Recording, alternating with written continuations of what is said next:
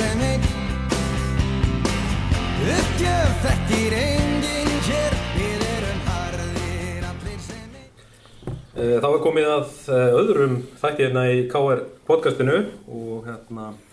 eh, sem er nú aðgengilegt fyrir Apple og Android tæki. Farið bara í, í KR Reykjavík og, og leitið og þetta þetta er á podcasti og þetta má líka finna það inn á VF KR Eh, Það er Hjörvar Ólafsson og, og Hilmar Þór uh, Norrfjörð sem eru hérna sestið niður í þessu öðru podcasti og, og við byrjum á Kaurubóltanum. Það er hann Finnur Freyr Stefansson, þjálfari Metrolóks Kalla sem er sestið niður með okkur og, og við ætlum að ræða um seríuna sem er núna í gangi á, á móti Njarvík. Þannig að bara velkomin Finnur. Já, takk fyrir það. Byrjum aðeins á já, síðasta leik í Njarvík. Góði sigur aftur. Eh, Áttur þú vona á þessu? Það eru spurningu alltaf. Nei, maður á svo sem aldrei vonaði að vinna öruga sigra útivelli og hérna en þetta var svona leikur sem við náðum að byrja miklu krafti, Jón dróð svolítið vagnin til að byrja með og við náðum að byggja upp ágætis mun strax í byrjun og, og, og, og það bara mynda svona stemming í liðinu sem að, og svona kraftur sem að oft, oft, oft er erfitt er að skapa eða lýsa en svona þá náðum við einhvern veginn að, að að setja okkur bara í dundustu fyrir setnáleikin í þriðarleikla dættu við aðeins niður og nefnleikinu kom meðlega svolítið tilbaka en, en, en í byrjun fjóruleikla þá náðum við bara að loka dæminu og, og, og sigla þessu heim Þetta húsið í Njarvík er svona stemmingshús líka svolítið þannig að það er svona skipti máli að byrja leikinu vel eða ekki? Jú, ekki spurning, við erum alltaf búin að þetta er þriðarskipti sem að við mætum Njarvík í, í úslagkjafninu undir minni stjórn. Bæði síðustu tvei skipti höfum við unni nokkuð samfærandi hérna heima en í bæði skiptin farið og tapað í Njarvík á já, nánast á flautukörfu. Fyrir skipti var það hérna Stefan Bonó sem setti æfintilega körfu og setna skipti var Haukur Páls. Þannig að við bæði skiptin fyrir við og hugsaum eftir leik 2 að við erum fúlir yfir hvernig, hvernig hérna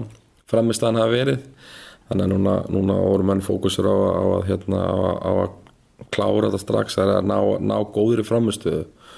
og náttúrulega veitum að hérna sér utan fóru í, í ótaleg og það er svona okkar markmið náttúrulega að hérna klára þetta eins fánlegjum hægt er. En hérna ég er bara gríðalána með, með kraftin og einbyttinguna sem skein út úr öllum hvað sem það voru leikmunnaði þjálfurum eða þeir sem voru á bekknum eða stúkunni þetta að, komin í tvönum núna uh, fókusin má samt ekki fara að halda þetta sé bara komið að því að þetta verður báðið til dælu ekki sigrar. Kannski ekki að þurft að mikið fyrir þeim þetta var tölun hreitt út. Uh, eru menn ekki örgulega tón? Já það er kannski svona miskilningur kannski sem oft myndast í þessu. Ég var að spyrja hvort þetta verið bara auðveldur sigur sko. Það var örugur en, en hann var aldrei auðveldur. Við þurftum virkilega að hafa fyrir því að verjast þeim og fyrir þeim að opna þá sóknarlega og og þurftum að fyrir því að hreyfa boltanum mótið þeim og, og búa til þessi skot sem við kláruðum sko. þannig að, að, að þetta var aldrei þægilegt eða aldrei auðvelt en þetta var örugt og það er náttúrulega það sem kannski þarf að, þarf að fókusin að haldast á er að, að það er ákveðna fórsundu fyrir því að hvernig leikinni fóru svona og það var framistaðan okkar hvernig við náðum að gera hlutinu vörðum sóknum það er ástæðan fyrir vinnum stórt ef við ætlum að koma inn á leikin á morgun og, og, og halda að við höfum bara silt í gegnum hinuleikinu tvo auðvölda þá, þá, hérna, þá, þá verður ekki tannig við veitum allir að, að, að þegar, þegar dýrin eru í, anstæðingun er í döða kipunum þá oft slæna halast frá sér og, og, og við höfum bara ekki séð ekki genið tíðin að sjá bara þess í, í, í fyrra við erum komast í 2-0 og endum henni óttalega heima þannig að, að við svona erum búin að tala um að mikið að læra sögunu, læra reynslunni og, og nýtt okkur það inn í, í, í, í þessu útlökjumni Við veitum náttúrulega drampið fallir næst þannig að það má aldrei Akkurat. En hvernig útskýra þá kannski fyrir maður sinni svona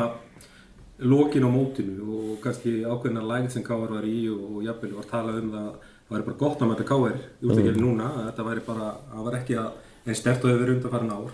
Uh, Er eitthvað að gerast núna, einhver breyting eitthvað slíkt, er liðatoppar einhvern tíma hvað er að gera? Ég held að svona, þetta er alltaf búið að ganga mikið á í vettur og meina, það er búið að vera mikið meðsli og mikla hræningar við hefum verið í vandræði með, með kana íkildi okkar og við hefum ekki náða undir fjóra tímabiliröðu sem við náðum ekki að hlaupa alveg undirmúrstímil vegna þess að við erum með fullt af mönnum í landslýsverkunum þetta, þetta teikar allt saman og, og, og það í bland við svona kannski ákveðna svona settu í umhverfunu og hjá okkur sjálfum þá kannski svona og bara og almennt væl. Við tölum bara svona góð íslensku bara væll í okkur líka. Þá hérna þá bara voru hlutin ekkert að ganga nógu vel og, og, og mættum til dæmis í þessum í þessu ásum þau töpum hann að fyrst skiptið þremmilegjum í rauða sína tók við og, og stíð bæðskiptið þar eru að mæta haugum og tindasól sem eru búin að vera bestu liðin í vetur. Að hérna þú veist að það, það að tapa fyrir þeim útivelli var kannski ekki eitthvað óeðilegt en það er kannski bara freka hvernig við töpum eins og hvernig við töpum stórt á króknum og erum, erum að leiðin að tapa stórt á móti stórt í hafna fyrir þeirna ám að koma aðeins tilbaka. Að en svarandi spurning hvort við séum að toppa á réttum tíma að þetta það er náttúrulega úslega kefni er svona, svona, svona fersk nýbyrjun á, á, á það hann þessi nýtt mót þannig að það sem er bú, búið að ganga á, á undan er einhvern veginn búið og nú getur bara að byrja að fókusera á hver til og hver leikur meira í markinu að ástæða lokatakmarkinu þannig að þá oft ná mann svona að hrista sér saman og bara eru ekstra fókusera og sér svona ástæða svo Pavel Jón Darrið er allir búin að bæta á sín snúningi eða tveimur þannig að og hinn er fylgja Ég verða að fá að henda þetta spurningu hérna því margir hafa hugsað þetta með útlendingamáli og káður í, í vetur. Uh -huh. Svolítið örskipti á útlendingum. Hvað er það sem klikkar? Hvað... ég held að ég öfund aldrei leikmanns þess að ellendur leikmann sem er að koma í liðið okkar að því að við erum með við erum með þessi hilseft lið og við erum leikmann sem tikka sem er að bóksa með sko, oft oft gennum tíðina þá eru svona, svona alveg gapandi hólf fyrir einhver er vöndun á okkur um okkur þáttum.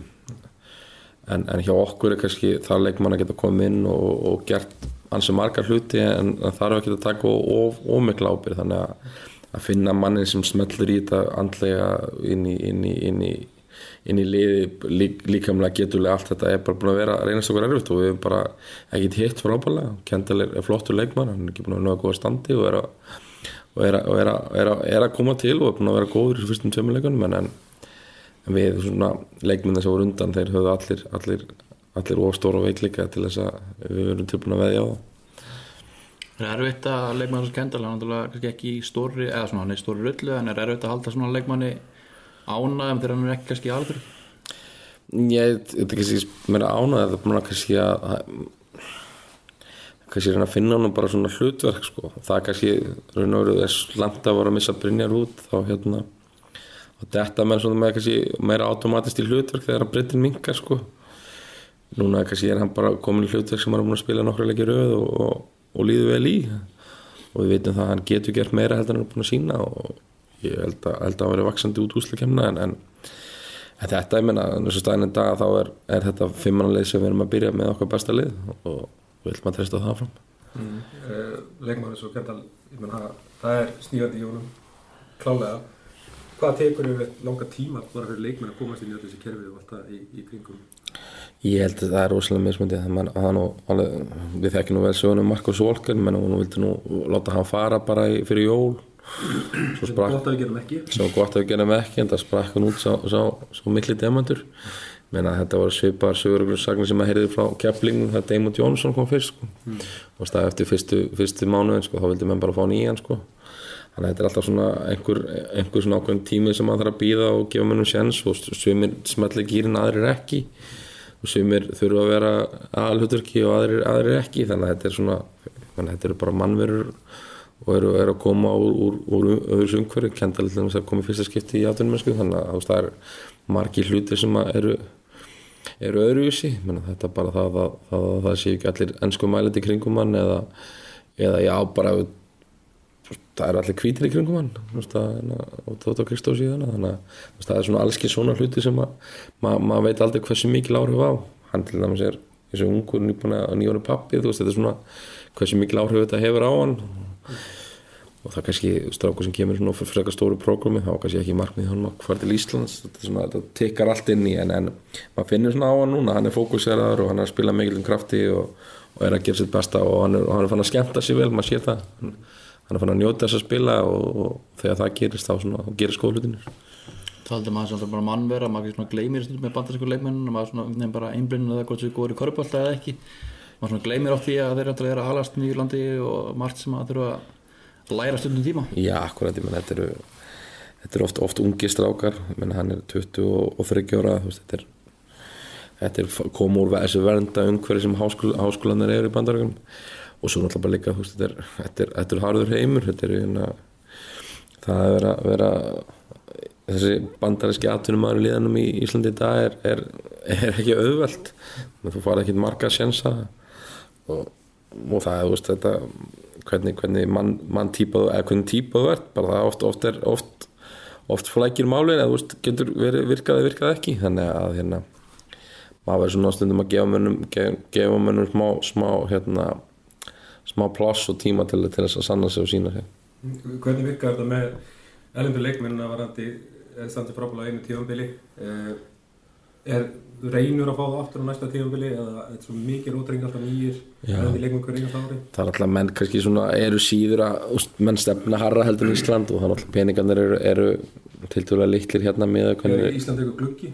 gluggi getur, getur verið góð, góðu stöppallur en á saman tíma þú veist á ef þú ætlar mjög hátt þá kannski horfur við fram í Íslandi þannig að við erum ofta að fá leikmenn hinga sem kannski vilja sanna sig eða vilja, vilja þú veist, eru kannski á þeim stað að þurfa að sanna sig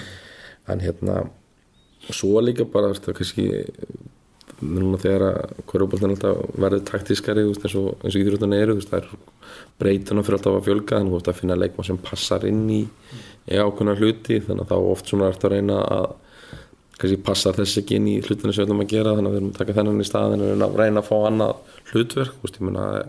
við til þess viljum fá, vildum fá stóran leikmann en það er kannski það að finna leikmann sem passa með Kristoffer er, er, er trikki og þannig að þetta er svona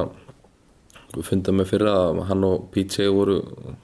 góðir en, en pössuðu kannski ekkert sérstaklega vel saman. Þannig að við vorum búin að vera svolítið að leita, að þeirri blöndu og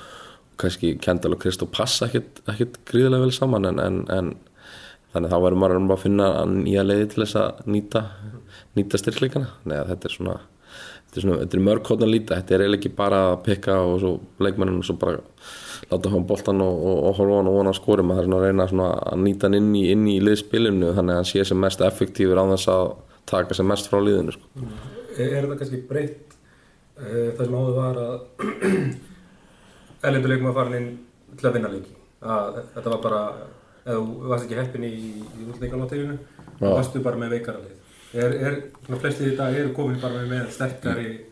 ylenda leikmenn? ég held að sko sterkustu, sterkustu liðin eru þannig þú veist, ekki, svo móti getur síðan svo írikarnir sem að svo, þeir eru með, með frábæran erlenda leikmann og það tekur það frá því að vera miðlungsleiði yfir að vera, vera eitt á, á topp, toppleðunum sko. þannig að, það hefur alltaf stór áhrif. Og hérna þú veist, og við erum kannski það liðið af þessum, liðin sem er eftir úsleikefni sem er að fá, búin að fá minnst minnst framlega frá erlendu leikmannunum með þessu íkildi og minna, við erum eina liði sem að byrja með leikmannun á bekknum þannig að en ég held að veist, fyrir mér er þetta snýst um, um liðið að liðið fungerar þá, þá virkar þetta, við erum ekki að leita einhverjum, einhverjum hérna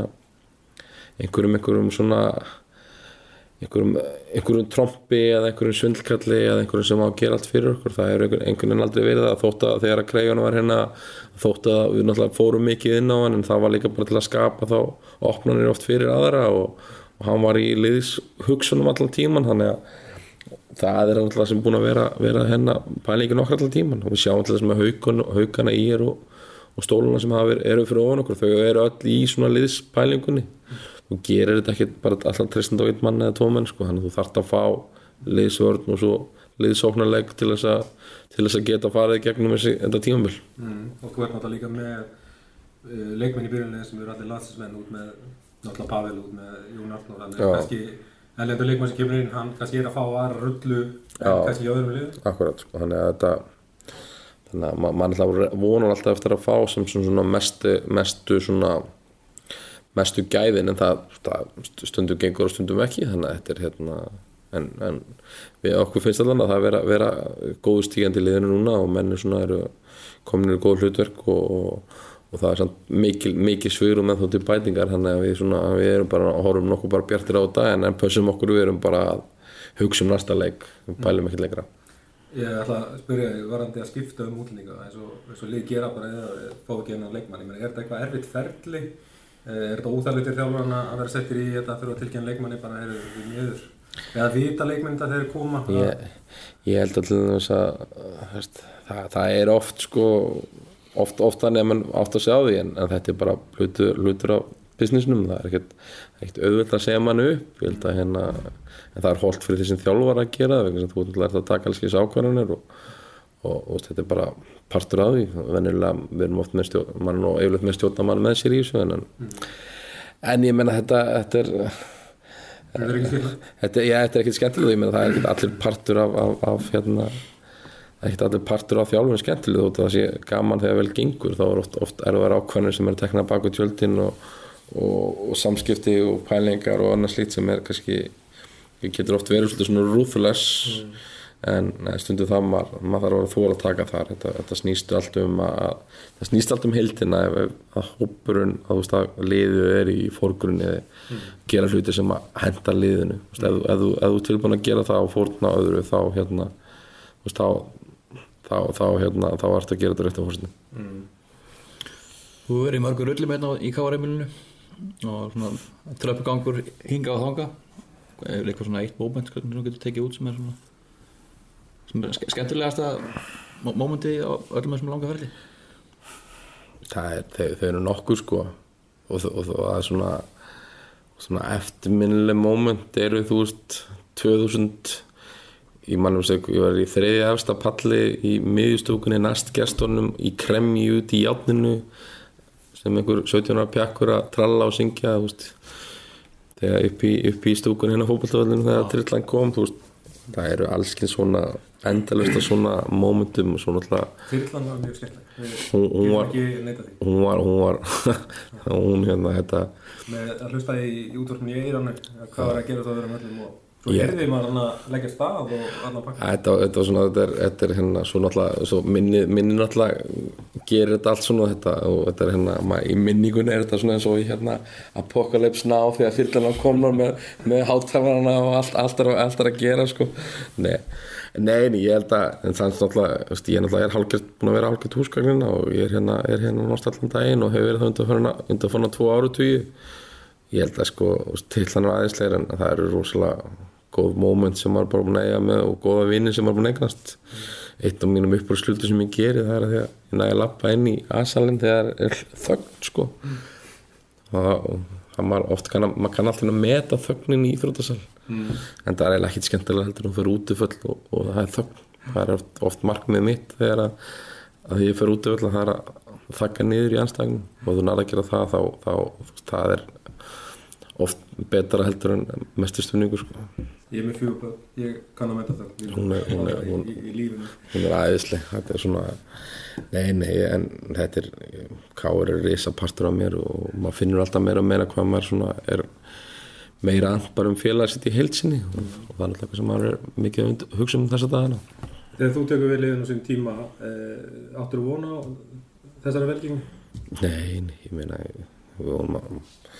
maður setti, maður svona var að djóka með það svona í hausnum sko, maður svona, þú veist, maður vissi það að, að,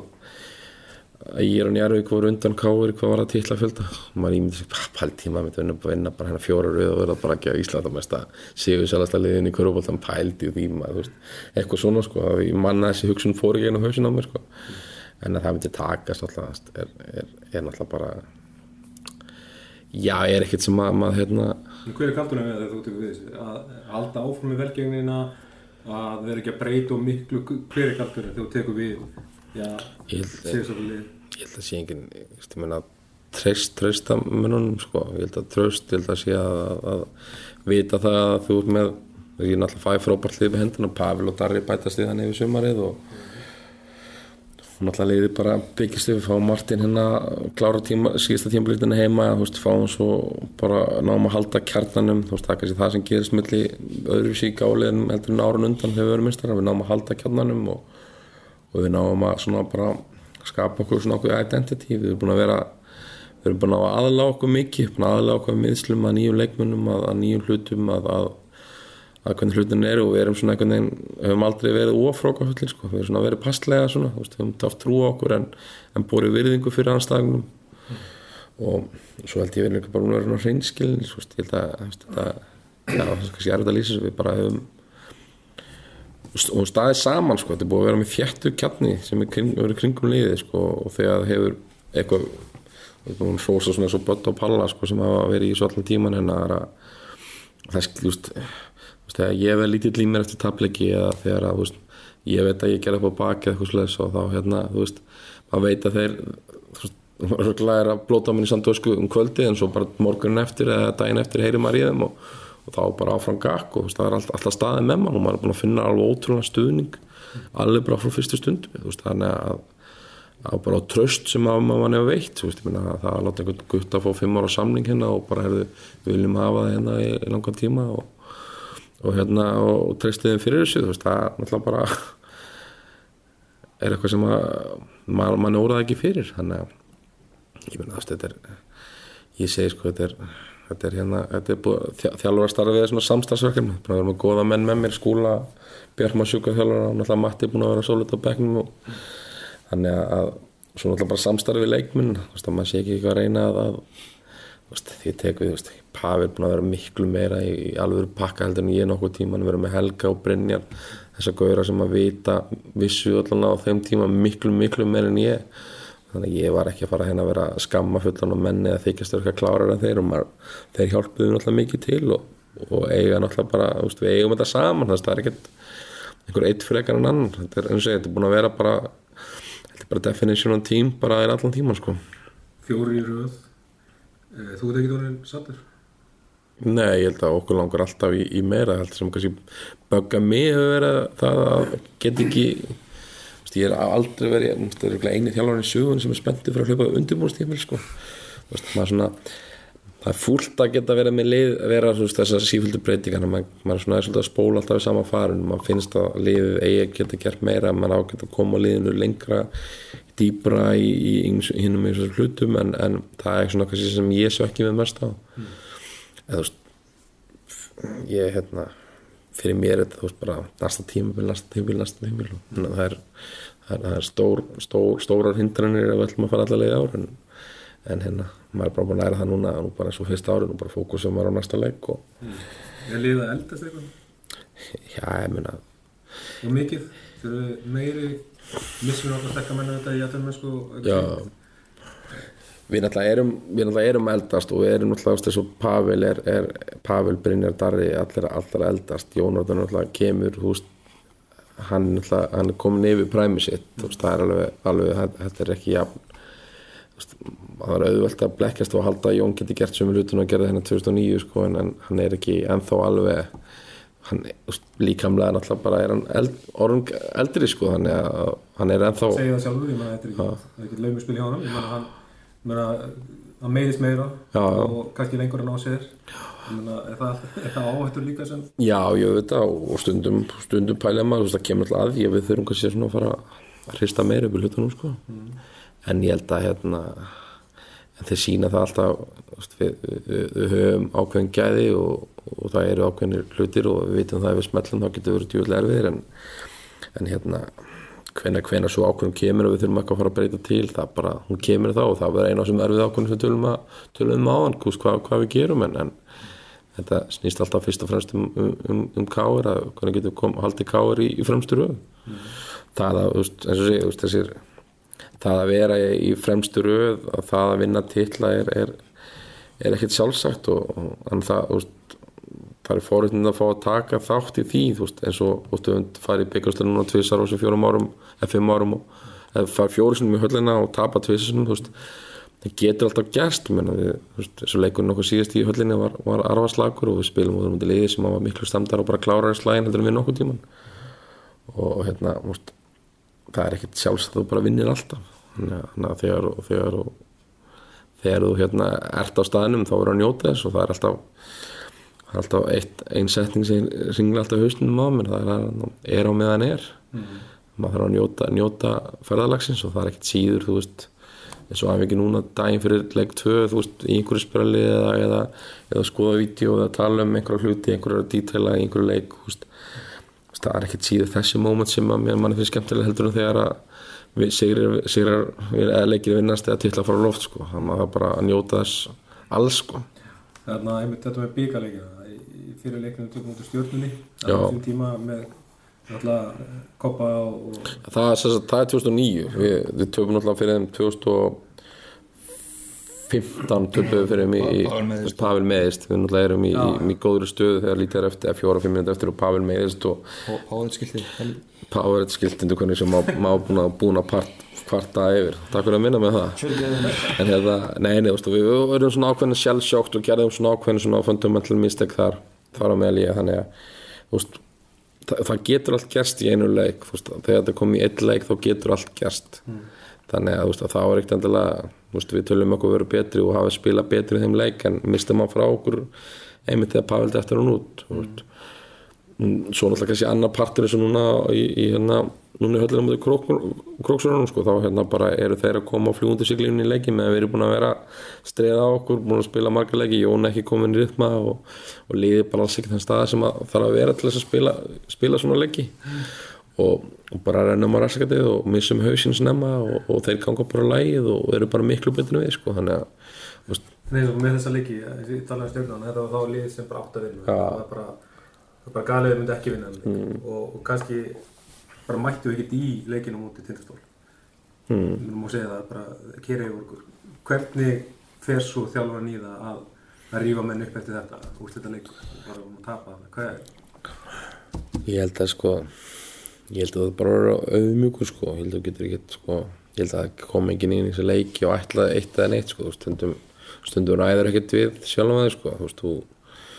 þú hérna við erum þetta, þetta eru mannlegir við erum öll mannleg og hérna þannig að þú, maður getur að vera reyður einhver tíma eitthvað sem að maður er svona maður er svona svektur að mista tækifæri en svo bara heldum við áfram og við lærum á hlutunum og sjáum, sjáum hvað þarfum að gera og stundum hafa svona leikmenn, leikir svona jákvæð áruf á líðið á, í áframaldið maður getur svona það prent- Mót- mótiverar mót- leikmenn. mót- mótiverar áfram og, og, og svo framveg sko. en, stundum er það bara þú veist ég meina sjáðu Grindavíkulir seríuna fyrra sko, við vinnum fyrsta leikin grísumst að vinna annar leikin og ég er svo væri að kæra leik þrjú og og ætlum okkur að vinna í leik fjögur en, en við erum bara klálega undir þar og svo allt inn í leik fimm þá bara, bara pökkum við saman sko, þá hérna þetta sýnir bara þú veist, ídráttan er, eru þú veist, miklu meira heldur en öfn blaði, er miklu meira heldur en einhver tölfræði, þú veist, það er þetta er svo marga breytur sem þurfa að smetla þetta er svo margir hluti sem þurfa að ganga upp. Þetta að vera með sko þú þessu tólf leikmenn þú veist að vera með þú veist, alla hundana en að draga sliðinni rétt átt þú ef einn er að einn er að sækja í hæri og hinn að sækja í vinstri og þá, fer, fer sliðin á kvolf sko, þannig að þú þarft að fá hann á fókus í öllum og þá gera slutinni sko þess og heldur að vinna svona, við erum búin að vinna veist, fjóra til dæmis til rauð fyrir þennan síðasta og fyrir ára hauka tókun á okkur og, og veist, vera að fara í fjóra byggjúrstuleiki og veist, vera búin að vinna Íslandsdæli fjóru, sinum að fara í gegnum allar þessu úsla keppnir og, og hlutinu gangu upp veist, að það er náttúrulega hellingshefni líka. En þú veist þannig að það er margt, margt sem það er að ganga upp. Uh, talandi um, um tilfinningar og, og hérna, vera mannlegur. Uh, það kom upp eitt mál hérna varðið til landsliðið. mm. Uh, umræða þegar skapaðist þegar var hérna æfingahelgi á landsliðinu, Mhm. þú væri hérna aðstofþjálfari. Uh, þér fannst þessi umræða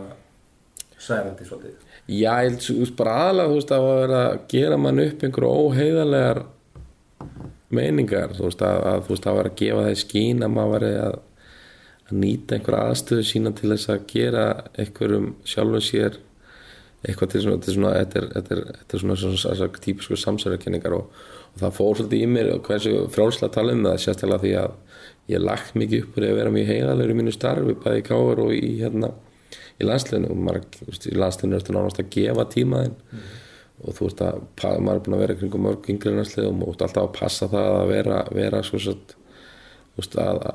passa að líta á alla eins og þú ert bara að hugsa um korfuboltan í heilsinni að, að þegar kemur eitthvað svona atvik þar sem að þú veist raun og verið sambandi sjálf klúður á málun að, að, að menn skuli leifa sér að, að, tala svona frjálslega á þess að kynna sér að nokkuð nokkuð skaman hlut sko. Þannig að og við sjáum líka bara í þessu nútíma samfélagi veist, að hérna, en menn eru sko það er oft ekki nema bara að, gruna menn um græsku eða þú veist, þá er þetta komið upp í, í umræðin á, á, á miðla á Facebook og, og þá oft bara fer á stað svona umræð sem að kannski er eftir að stoppa og oft er ekkert á bakviðina þú veist að, þú veist, að vera að saka ég meina, hugsa oft um, hérna um atveki sem að þetta er svona atveki sem átti staðan upp í spöngin í gráu þar sem að maðurinn var að tæla bönni með konfekassa þá var hann að þá var þetta bakari sem var að gefa frængu sinni súkulaði móla sem hann hefði bakað og, og, og gefið en allt í henni er gaurið málaður upp sem einhver barnani einhver sem að hann er alls ekki og, og, og það kannski er eitthvað sem veist hann, hann verður kannski alltaf minnst þess atvik sko. Þannig að einhver, einhver hluti þjóð, þjóðurinnar heldur að hann sé eitthvað sko. Þannig að þetta er svona, þetta er hættulegt að umræða og þannig að þegar að maður er sakar um eitthvað sem maður Þú, þú íhugar bara að hætta? Já, það er kannski líka bara út af út af mér fannst KK ekki standa upp og bara verja hlutina og ég er búin að vera ósattum með marga hluti sem ég ætla ekki að fara út í hérna en, en hérna en, en svona, ég svona er ákveðin prinsum maður á mörgum þóttum og, og Er Ísland bara of lítið land að þurfa að vera í stöður, svona, á mörgum stöðum? ég held að bara þannig að bæðist það er, það er oft styrkur og, og, og ókostur sko, það er oft kostur, þú veist, ma maður þekkjumst vel í, reyfingunni, maður þekkir alla vel, maður þekkir leikmennina mjög vel. Mikið betur heldur en örglega er í, er í, er í öðrum lögum, maður hefur talað með til dæmis að viðar, ég og Viðar Haldursson talað með, þú veist, að það var að tala um munur á íslenska fótballtalanslun og, á þú veist, í íslenska fótballtalanslun eru allir félagar og vinir og það er bara að tala um það sem menn sé að, að bara reunion og við getum allir spila saman alltaf bara djúðlega það gaman með hollendingan sko, þú veist, þeir vil ekki tala um hvernig annar sko, þeir eru bara óvinni, þú veist, þetta er bara samkeppni sko, þannig að það, það er oft kosturinn okkur og það er náttúrulega bara saman með okkur þjálfur, maður, maður þekkir þess að stráka vel, veist, maður þykir vænt um það, veist, maður er svona bara, þetta er orðin vinum hans, alltaf, mann þarf alltaf að ná, ná að halda því, því, því, því um milli, sko, veist, halda því aðskildu, sko, en, en en mann, mann er allt um það og, og þeir finna það held ég og, og, og náttúrulega úst, ég, ég þóra alveg að segja það ég er búin að vera stór partur á sér velgengni sem er búin að vera mm. undanfann árum á ásand náttúrulega ansi mörgum en, en, en, en við erum allir að leggja að loða og ósal Lesunulega unnveðlegin, það? Þannig að við erum ánægða og við erum að ræða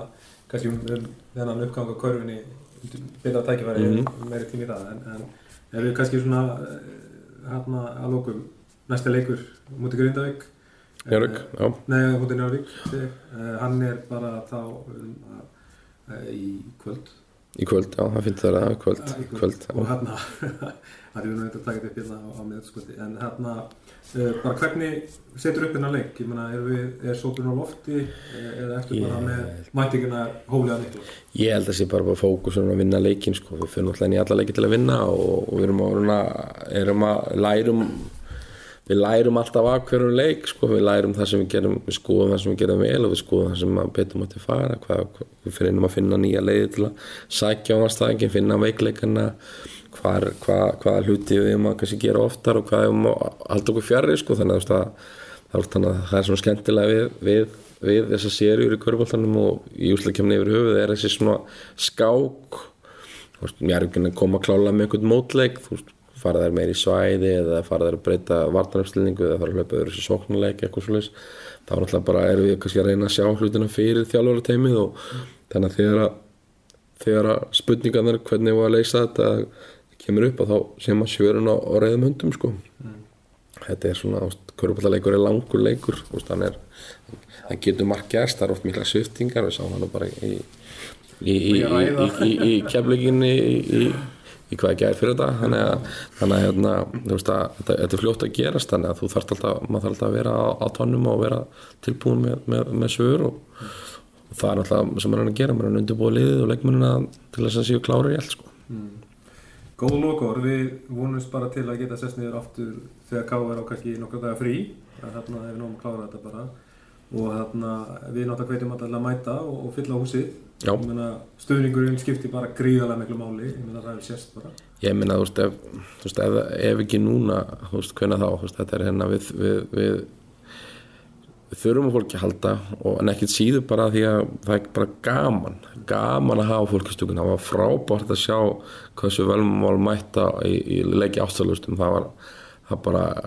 ég er svona að á óvart og það, þú veist, það er smá sorglegt þessu nátt hvað á óvart hvað var margir. En, en það, er, veist, það, það er samt frábært hversu veist, það er kannski það að við núna lendum í fjórðarsetti að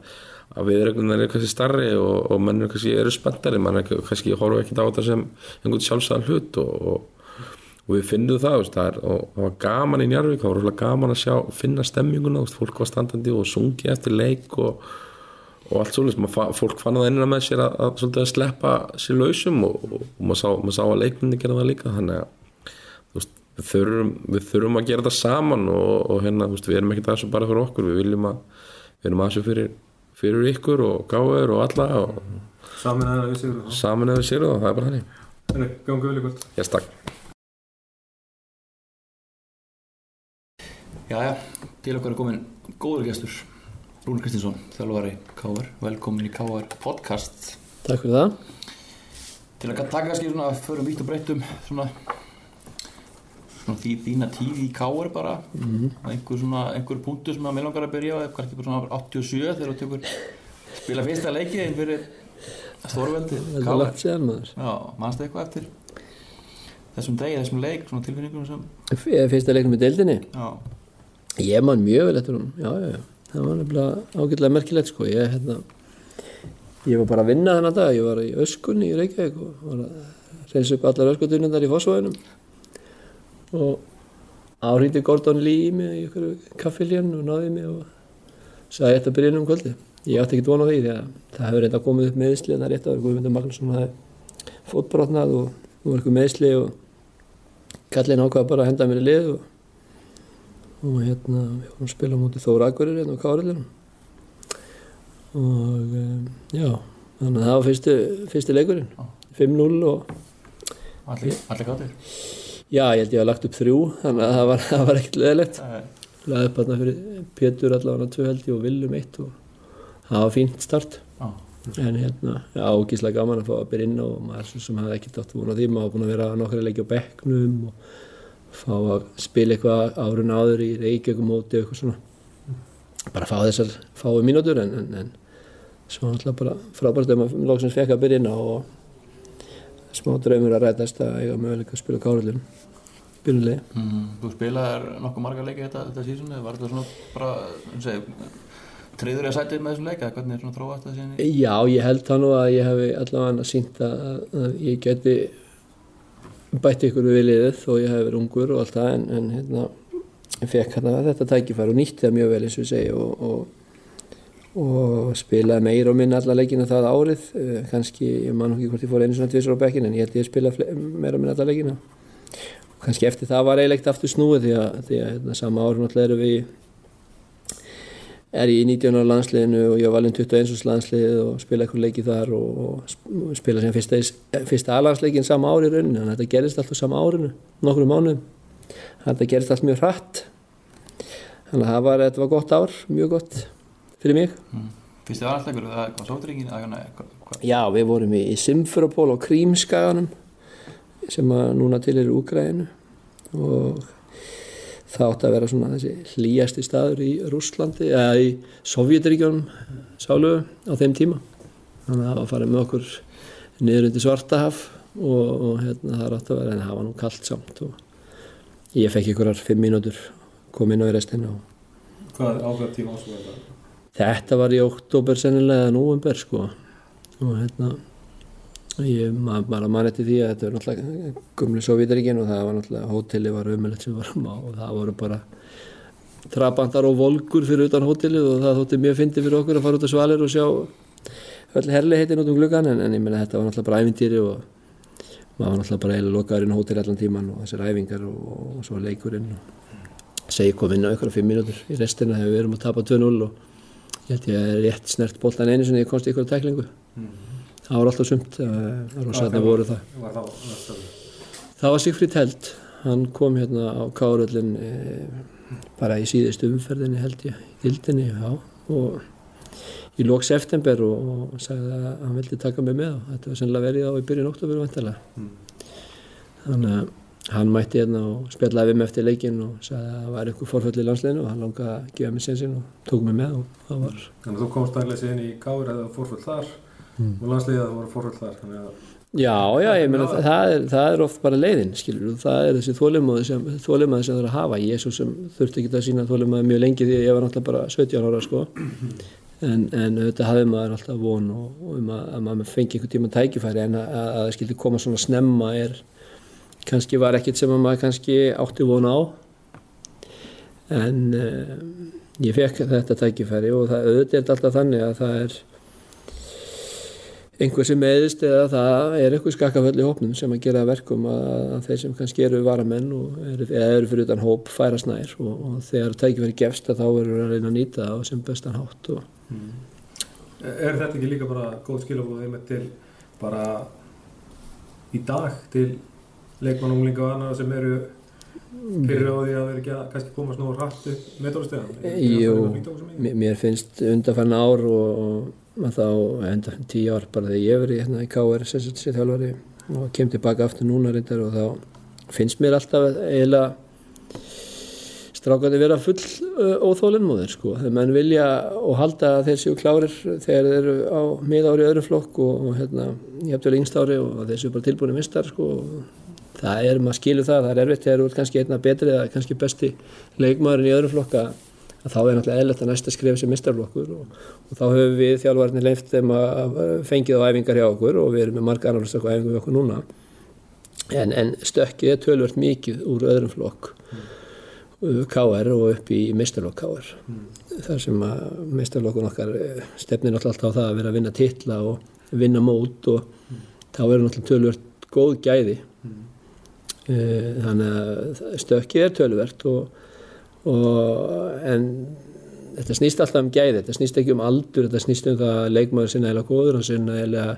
sterkur karakter og hann sinn nægilega líkamlega tilbúin að takast á við þau verkefni sem býðans í mistarflokk og, og það er kannski fókballin líka múið breytist hann að leikmenn eru miklu, miklu betur þjálfaðar en áður fyrr. Uh, líkamlega sterkari fótballin er að stækka, er að vera stærri leikmennin er á vellinum almennt. Og það er bara þróun eins og í mörgum íþróttagreinum og stærðin skiptir máli og, og líkamlegt atgerfi, styrkur og hraði er ofbúslega mikilvægt orðið og þess vegna kannski þess vegna líka sem að uh, þessir ungu stráka kannski þurfa að tilenga sér meiri æfingar þegar þeir eru öðru flokk, yngur flokkunum að byrja að styrkja sig, að byrja að, að hérna, gera líkamann tilbúin fyrir þau átök sem að taka við þegar þú kemur loksins meðal þessara eldri leikmanna sem er orðin 25 eða 30 og hafa líkamlega yfirbörði yfir þess yngri. Taldu stökk, þú fer frá því 17 ára gammal að spila hérna heima í leikjarúl mútið Sovjetryggjunum mútið svona þokkalum hjálkum býsti við og bara leik, leikmenn sem voru kannski að æfa með þér í landsliðinu þetta lítur náttúrulega stökk og svona Svolítið svolítið svona öðri sungari sem fer hérna á, á hvað hálf ári? Já, þannig gekk ógislega hratt sko ef ég fæði blóta þess en, en hérna ég kannski kannski öðruvísi leikmaður en margir aðrir íslenskir knastbundumenn á þessum tíma sko, hafði kannski aðeins meiri tekni og, og leik, eða ekki kannski leikskilning en maður kannski fljótar að hugsa og maður gæti nýtt sér teknilega yfirbörði með að með að, að hérna, leysa úr flækjum og leysa stöðum og, og þá kannski kemur maður undan þessum stóru hjálkum sem maður hefði getið kert yfir maður en, en maður fann það alveg fyrstu árunum. Og ég get alveg talað um 2-3-4 ár með landsliðinu skilur þegar maður er að komast inn í þetta. Ég spila ekkert alltaf leiki, maður var lengi á bekknum í mörg ár og fekk einn og einn leik og kom inn á spila þess að vináttu landsleiki og allt það og auðvitað fann maður það að, að þessir erlendu atvinnumenn sem höfðu þetta bara sinni vinnu voru líkamlega sterkari. Þeir í flestum tilfellum mun fljótari en við að hlaupa líka. Og þetta var oft mjög erfitt og en það var þannig fyrir okkur marga sérstaklega þá sem að þeim tíma eru við kannski 5 til ja, 8-9 strákar sem eru að spila í Íslandi ennþá.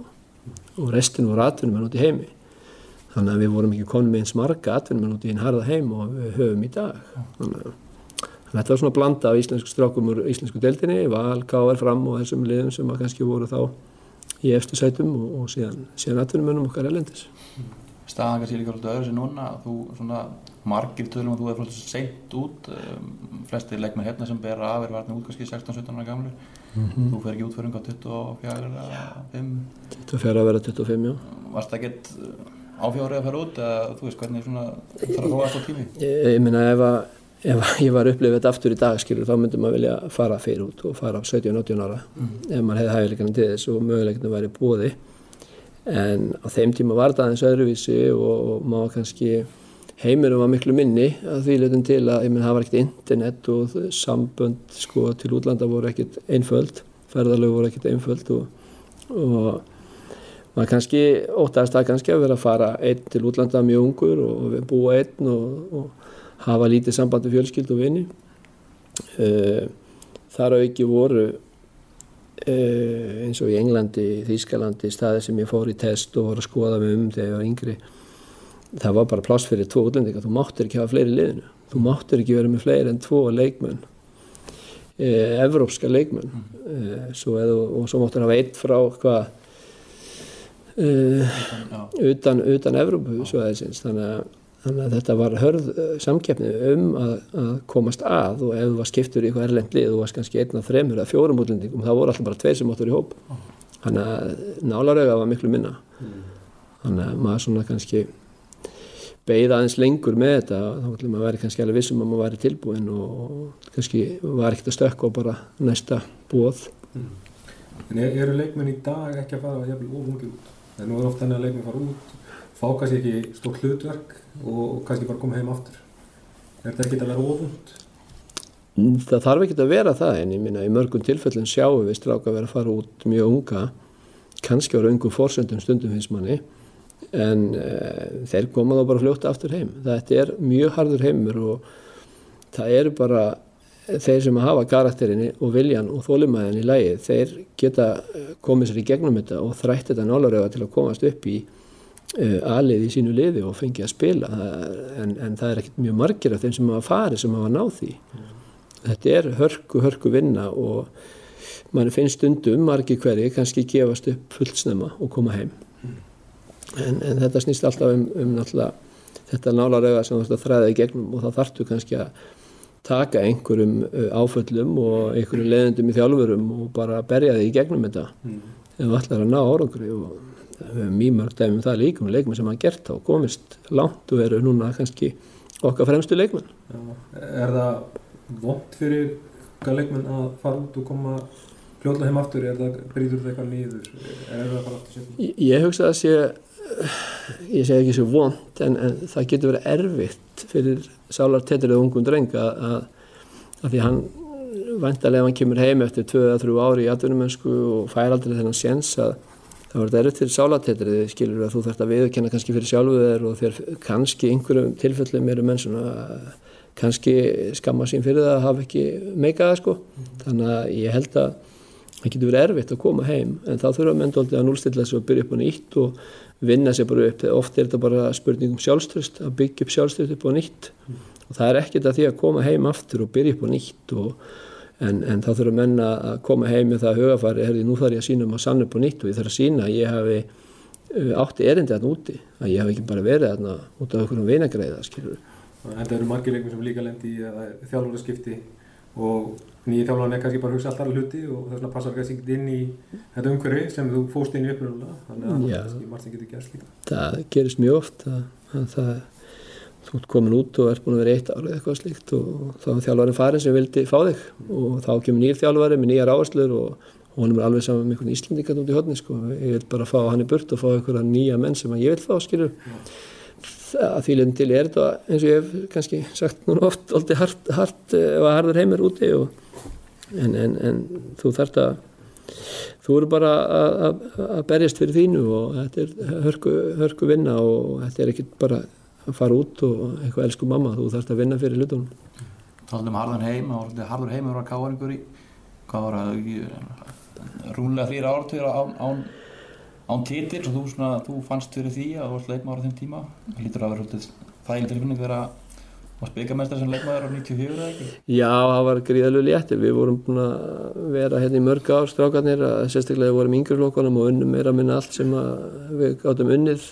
upp allir yngri flokka, þá voru að vonast til þess að við smátt og smátt getum komist inn í minnstaflokkin og kemum kannski með eitthvað nýtt og, og getum breytt hlutunum og það tókst nú kannski ekki voðalega vel til að byrja með en svona smátt og smátt að þá, þá hérna fór KR að, nálgast toppin meira og við urðum allt, komumst alltaf nær og nær því að vinna. En, en, en þurftum að býða alveg til hvað 94 með að ná að vinna byggarinn og það var náttúrulega gríðalegu létti því að manni fannst eiginlega það var svona ákveðin álög á KR við vorum búin að hérna reykja þau í burtu töldu við. Og KR var náttúrulega byggamestir aftur 95 svo þurfum við að býða aðeins þá þá til að allir eða sem stjórnar Káur til Sigurs 99, bæði Íslandsmóti og, og, og í byggar og gerir frábæra hluti með Káur og, en, en það náttúrulega var frábært allavega að geta brota og baka aftur þessa grílu 90, þegar við vinnum byggar 94 þetta er náttúrulega fyrsta skrifið það er að ná eitt til og eftir það þá, þá hérna, held ég að Káur hafa nú verið eh, að vinna bæði byggar og deild svona nokkur reglulega sem er bara mjög gott. Nú erum við byggjað upp og nú ætla ég að brota þess niður. Ára 90 var ekki alveg alveg eins gjöföld en það var svona, ég lútið svona djöfulegt hvernig það endaði með Íslamótið Já, Íslandsmót og byggar eða ekki Já. töpum byggar eftir tvo leiki við vali í byggarúslutum og framlegging og vitakefni og, og hérna, í myrkrinu og lögadalum á mögutaskvöldi og, og hérna það var sorglegt og svo náttúrulega töpum við Íslandsmótinu bara á markatölu og, og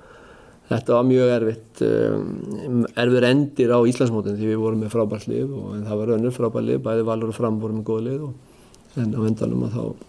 þá hérna uh, já, náðum við ekki að vinna neitt og við töldum og tölum um það í mitt þá að þessi blessaða gríla væri að stríða okkur og vildi bara ekki að við myndum vinna og það var svona einhver álöf á félaginu en, en, og það sest kannski aðeins inn í hausin á mönnum fer í hausin á mönnum og menn kannski hrættir við að vinna. En, en það snýrist nú við nokkrum ára síðar Þú fyrir út eftir tímur 94 er ekki rétt. Mm Fannst þér það svona, þegar titillin var í höfn fannst þér það svona búin að skilja ykkur verki eða var það var kannski bara galt ánægt um að reyða því að fórst út á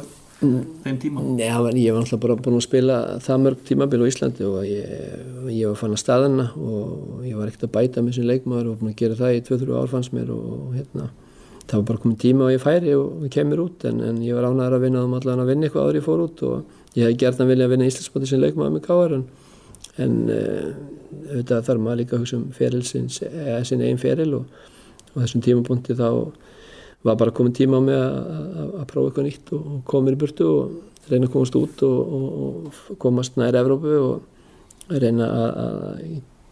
bæta sem leikmaður því að kemst upp á ákveði steg á Íslandi og, og einhvern tímapunkti eða verðt þar sem að ég var þessum tíma þá, þá, þarftu bara að fara út til að bæta þig. Þú ert bara að byrja að staðna og hérna, áttu að líti litla möguleika að bæta þig meira. Þú spilar úti hérna nokkuð lengi. Er eitthvað svona tímabili eða eitthvað svona sem að það er þeir kærar en önnur á, á þeim langa Já, ég Andra það er kannski náttúrulega skiptir sér þrend sko, ég menna fyrst, eh, fyrst árið með örgríti er óbúslega skemmtilegt því að þá maður að bara læra svo óbúslega mikið nýtt. Í nýju landi, í nýju deild og okkur gekk ágætlega lið sem hafi verið að koma upp um deild og við endum hann í sjötta, sjönda sæti eitthvað sem þótti bara mjög gott og, og skemmtilegt tímabil. En, en, en hérna svo svo á ég bara, fer ég til Norex og við eigum frábært tímabil þar og 99 er náttúrulega eitt mitt besta ár sem, eitt af tveimur kannski sem að ég mann mjög vel eftir. Sem að við erum með mjög sterkli í norsku deildinni og, og ég var alveg besti leikmaður deildarinnar að leikmaður deildarinnar það ár í Nóri og svo fer ég náttúrulega eh, ég lagði upp alveg hauga mörg og skoraði slatta og hérna eftir tímabilið þá fer ég sagt fer ég árið eftir, eh, haustu eftir fer ég til Lókren í Belgíu og, og, og það er náttúrulega erum við að gera fínt mót með fjóra Íslandika innanbórs með Arnar Viðarsson og Arnar Gretarsson og Öðun Helgarsson tímabili var Maril Baldursson með okkur hann líka. Og þá eh, náum við þriða sætun í belgísku deildinu og erum efstir og öðru sætum erum við allt mótið og kannski klikkum að þessu síðustu fjóru leikjunum sem við fáum mm, ja, lítið út úr þeim. Og vantaði þessu upp á breytina og bara reynslu og að vinna og kunna að vinna og klúruðu mótin í restina en, en spilum frábæra sóknabólta og með óbúslega skemmtilegt og þar held ég að lagt upp átjörnmörk í dildin og skoraði eitthvað 16 eða, en ég held ég að bara fengi 13 skráð en hérna þannig að, það var nú bara svona kannski það skemmtilegasta tímabil sem ég hef spilað þannig í Belgíu held ég. Svo leitar hugurinn heim eða hvað, Hvern- hvernig þróast þetta eftir að leikmannaferðis mæti? Ný, maður náttúrulega maður var orðin, hvað, ég var 37 ára að verða 37 þegar ég er á mínu síðast samningi í Belgíu og náttúrulega maður var hann að svona ströggla með að ná sér bara fitt á milli leikja, ég átti við smá heli meðsla stríða sem að sem ég náði alltaf, ég æfði lítið í vikunni, ég náði alltaf æfingu 50 og var í sjúkraþálum þess á milli og spila alltaf melgar og Íspað og já og það var bara, maður var, eh, maður var hjá lækninum í einhverjum leysagislum og alls konar vesinni bara til að koma sig í stand og þetta er það líjandi til reyndar og, og maður bara fann það að þetta var orðið gott og þetta e, klubburinn kannski líka fann að hugsa um byttu þetta er nú að ferða að verða ágætt og, en, en hérna ég fóð nú bara til Belgíu og skrifandi þryggjári samning og hugsaði með mér ég kannski fætt tvei orði viðbót hérna því að maður taldi sig verið gam, gamlan þegar maður var þrítugur sko en, en þegar ég var búið með þessu fyrstu þrjú og skrifandi nýjan tveggjári samning og svo ég búið með hann þá held ég að skrifandi þrjá eins og samningi viðbót. Þannig að ég enda hann í hvað eitthvað 7 ár í belgísku deildinni sem var bara frábært og þá náttúrulega leitaði nú bara hugurinn heim að flytja með fjölskyldun aftur heim í stað þess að, að ég lengjast eitthvað í Belgíu og reyna að fara að starfa þar innan fótbolltans og þannig að ég, við ákvæmum bara að flytja til Íslands. Fyrir fljóðlega að starfa hérna sem yfirmaklasmjöla og, og svona fljóðlega það að þjálfum leitaði hugurinn í, þjálfurinn strax eða svona varstu Nei, eiginlega ekki. Ég, mér langaði aðeins að koma mér frá sagt þjálfinn og, og vildi kannski bara setjast inn á skrifstofu og, og, og fá að stýra ykkur. Og fekk náttúrulega það upp í hendurnar hjá Káar uh, ári eftir ég hætti og, og eh, fekk, var gerður yfirmanni knastmyndumála hér sem var frábært. Ég fekk að vinna með Lóa Ólafssoni fyrst og, og Pétur Péturssoni þegar þeir voru hérna og stóð þéttið baki á þeim og,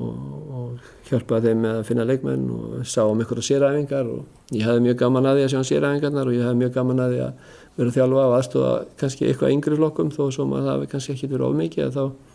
þóttum við það alltaf gaman. Og staðin fyrir að vera með alla pressun á sér og vera að þjálfa þannig að ég hefði í rauninni ekki huga því að fara út í þjálfun en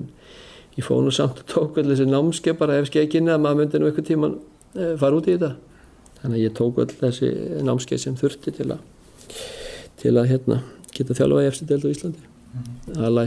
A-license eða hérna, skýrtinni eða hvað þetta kallast. Þannig að ég var með það på vasan þegar, að- þegar að kalli kom og, og hérna nokkrum árum síðar hún ekki glæsileg staðan þú tókstu liðin og liðið í fangið? Nei, ég menna þetta er náttúrulega Logi var búinn að gera frábæra hluti með Káur og ég var virkilega ánægð með Loga. Ég eh, við baki á hún lengi og stjórnin var farin að huga því að gera breytingar fyrir en, en, en gerðar voru. Og en ég taldi Loga bara vera búinn að skila það góðu verki, verki eh, árið áður og, og það bjarga okkur á fallið 2007, gerði góða hluti 2008 byggamestari með lið og svo er ja, 2009 held ég að við erum öðru setu F eftir F og ég veit ekki hvað vorum mörg stig 45 44, 5, 6 stig og F vann deildina með einhverjum 48, ég veit ekki hvað það var það var allan tölvert hátt uh, stigaskór sem Lógi fekk og, og vanalega þá vinnur deildina með, með þann fjölda stiga en, en þetta ár var F kannski aðeins í sérflokki og, og vann og svo byrjaði 2010 bara erfilega, mjög erfilega og hérna en á endanum að þá kannski urðu við að gera breytingar þar sem að liði var með ykkur 13 steg eftir 11 leiki og móti hálnað og, við vorum ekki á þeim stað sem við vildum vera. Við vorum mjög neðalega og held í nýjunda sæti að tólum og, og þá urðu, urðu við í raunin að gera ykkur breytingar og, og þá náttúrulega vildi bara stjórnin að ég tæki við og myndi klára tíumbil og, og reyna bara að berga okkur fyrir falli og koma okkur upp töfluna og þannig að ég ég ákvaði að gera það, það var ekkert stort vandamál en, en ég var ekkert sérstaklega hrifin að ég til að byrja með því að ég hafði aldrei verið í þessu til að fara út í þjálfuna og ég vildi aldrei vera að íta loga út til að geta tekið jobbi sjálfur, það, það var aldrei efst í mínum huga og, og var ekki í hausnum á mér. Þannig að það var leðilegt að þurfa að kvæða loga en hann skildi náttúrulega eftir sig frábæra leikmannhóp sem hann bjóð til og sem ég tók síðan við. Og, og hafði hér í, í 2-3 ári viðbót og við höfum bættið nokkru leikmannum að þá laði logi grunninn að þeim leikmannhóp sem ég tók við. Og ég, ég reyndi bara einfalda hlutin að því tóku liðinu og, og, og gera mönnum grein fyrir því hvað þurfti til til að vinna fókvallaleiki og, og var ekkert með of margar áherslur reyndi að gera þetta bara einfalt þannig að menn skildu hvað við vildum fá út af þeim. Og það hefnaðist bara ótrúlega vel og Það er bara back to basics. Já, það var bara back to basics og ég veist, þetta, þú veist, eh, þegar þú ert ekki með boltan í fótbolta, þá ert það fyrir vörð, sko. Og við vorum mjög marga sóknar þengjandi leikmenn og þeir voru ekkert allir að skila sér alltaf og það var bara fyrstu skilabúðin, það var bara að hlaupa aftur fyrir boltan og búin tapunum, eða reyna að vinna tilbaka og, og, og hlaupa og, og hafa fyrir hlutunum fyrir liðið sitt. Og það í rauninni, því að, því að gæðin voru alveg til staðar, fótbollali gæði, teknileg gæði, líkanlegu styrkur, atgerfi liðsins var frábært. Það þurfti bara að laga aðeins hausin í mönnum og gera þeim grein fyrir því hvað þurfti að gera til að vinna fótbollleiki og, og hjálpar þú vinnur fyrsta leikin, við fórum á ég og vinnur fyrsta leikin fyrir 0 eða eitthvað, eða 2-0 lendum manni með þess að undir við veitir ekki núta hjá okkur en, en, en svo, og þá svona kannski fá menn bara þessa trú á það sem að ég er að færa fram og það sem þeir eru að gera og hefði allir trú okkur aðra og, og við vinnum náttúrulega ykkur að sex leikir og, og liftum okkur upp töfluna og fórum í byggarúslit og endum tímambili bara í hvað fjörðasæti held ég og í byggarúslitum þannig að þó sem við tapar byggarúslitum náttúrulega illa og, og þá, þá vorum við á tímabili komnir í hörku séns að berjast um Íslandsfyrstættitilin þegar við fáum fyrst held ég breyðabliki í heimsókn og, og svo FA en, en töpum báðan leikjónum og, mjög nömlega og eftir að spila fína leikja mot þessu liðum en, en við vorum mjög nálægt í að kom, blanda okkur í topparutna en, en endum í fjörðarsæti sem var náttúrulega bara mjög ásættanlegt eftir kannski að hafa verið í nýjundarsæti og mjög mörgum stegum eftir liðan sem verið efst og þannig að við tókum eitthvað 25 steg úr þessum 11 leikjum sem við stjórnaði Þegar þú ferðið inn í þetta og tekur við þessu, eh, ferðið pressulös inn í þetta? Það því að þú taka við liðum á þessu stað? Já, svo að segja, en þetta sittur pressu sjálfa, þú vilt ná árangri og þú, alltaf, þetta skiptir ekki máli hvena leikurinn er. Ég finn alltaf smá pressu á mér fyrir hvernig einasta leik, með þess að ég spila æfingarleiki hérna og fyrir lengjubikar eða bósmót, mér finnst það alltaf svona, finn alltaf fyrir einhverju smá stressi að því að ég vil að liðinu mínu gangi vel og ég vil að við náum í úrslit og, og við hérna allavega Þannig að þú bara að reyna að bjarga liðið kannski frá falli. já. Jú, auðvitað, auðvitað er uh, vissum, ég vissi bara hvað bjóð í liðinu þetta var að, ég var ekki trættur um það að við myndum ekki ná að bjarga okkur frá falli þetta var spurningum bara hversu ofalega við getum ítt liðinu ég fór ekki að hugsa um liðin fyrir neðan okkur, ég hugsaði um liðin fyrir ofan okkur og hugsaði um við ætlum að fara að vinna þessa fótballtaleiki sem við að fara út í og við vorum nægilega gott lið til þess það, sama lið var 2009 öðru sett dildinni og það var bara spurning um hugafar og, og, og fá menn til að eins og ég sagði að skilja hvað þarf til til að vinna leiki. Við tókum svona gjöfurlega tímar, tveir ekki mittillar og þrý byggmannstillar. Já, já, við náttúrulega 2011 byrjaði frábælega og við, við hérna unnum náttúrulega bæði mótinn 2011 á mínu fyrsta heila ári sem þjálfari þar sem ég fekk alla veturinn til að undirbúa liðið og, og bætti við með einhverjum leikmönnum og, og hérna náðum